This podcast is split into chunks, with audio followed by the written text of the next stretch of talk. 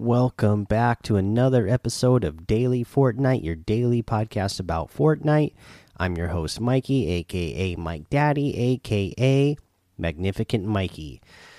Uh, so, as of the time of this recording, there is only a few hours left to get the challenges done for Fortnitemares. So, if you are listening to this as soon as this is released, then go get those done before you run out of time.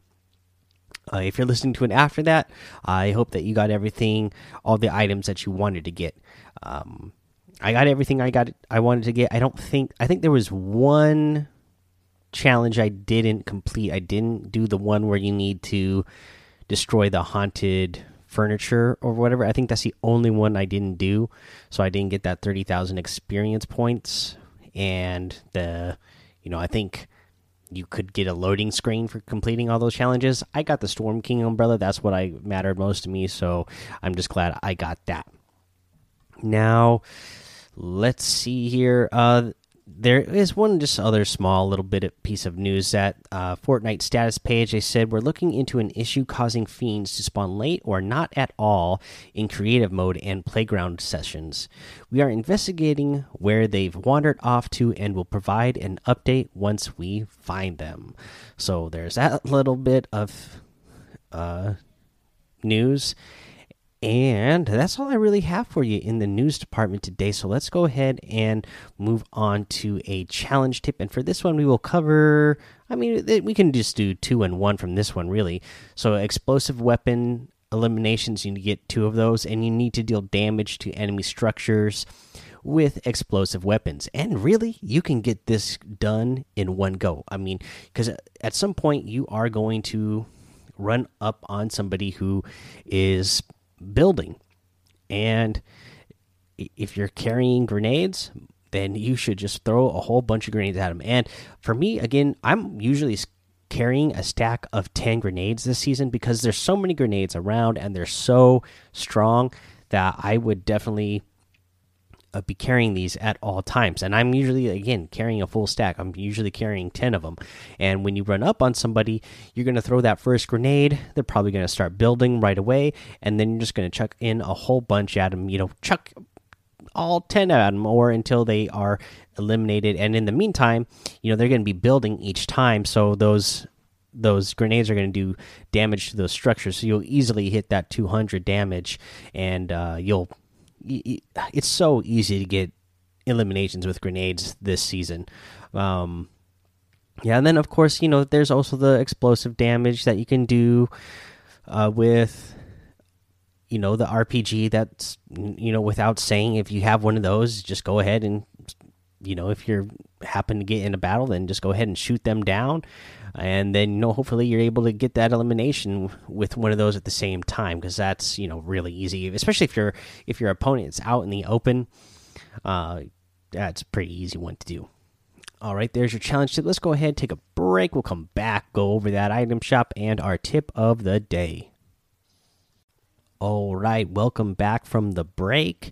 And uh when i was uh taking a little break there, I, I just uh, remembered that this is the 600 episode. So I want to thank you guys for sticking around for 600 episodes as well.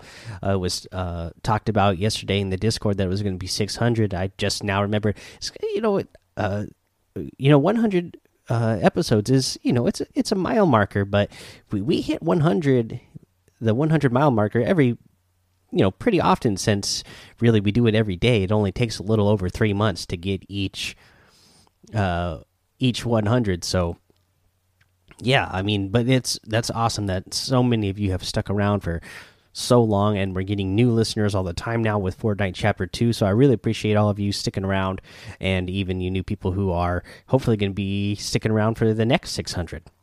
All right, let's get into the item shop now. So, we have the red jade outfit in the item shop today and I really like this outfit. I'm a big fan of this one. Uh, we also have the sandstorm outfit. That's one I like, and the scimitar outfit as well. The emblem wrap and the chrono contrail. You have the cryptic outfit. This is one that's really cool, uh, mainly because I like that spectral spine back bling. I think that's really cool. you have the Enigma wrap in the item shop today. The Rapscallion outfit has always been a good one. The Flappy Flyer glider, the Breaking Point emote, the Infinite Dab emote was one of my original favorites.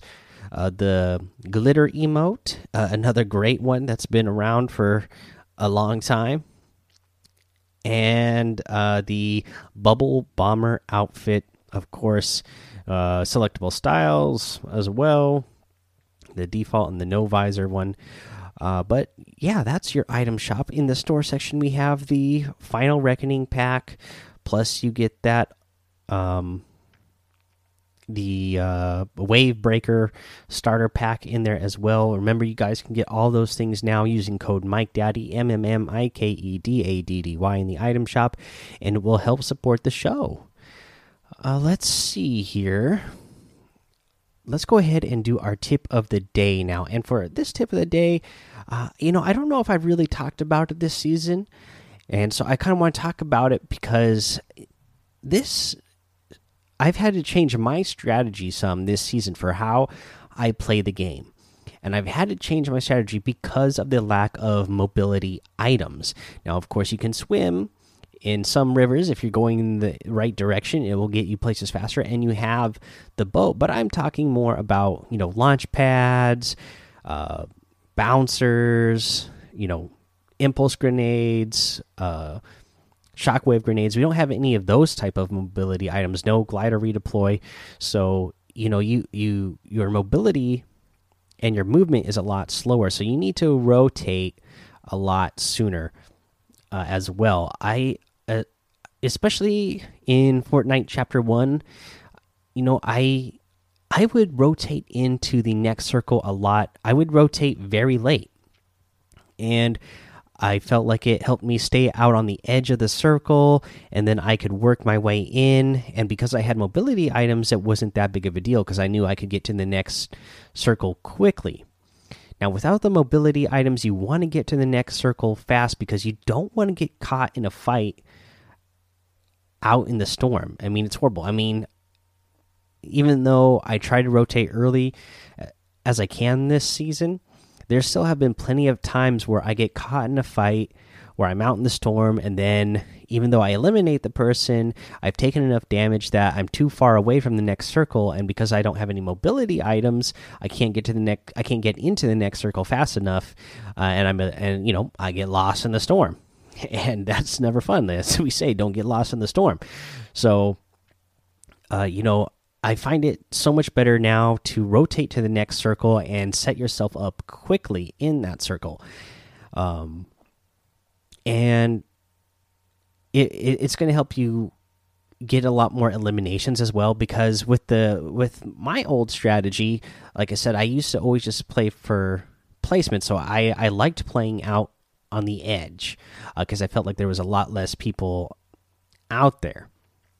But now this season, if you get to the if you get to the next circle, the edge of the next circle, uh, before the storm starts moving in, then now you can catch everybody who is rotating late and is trying to get into the circle, and you can gatekeep and keep them out. We've talked about gatekeeping in the past a long time ago, but I feel like, especially with the lack of mobility items in the game right now, it's it's a, something that you really need to uh, be thinking about uh, this season, especially.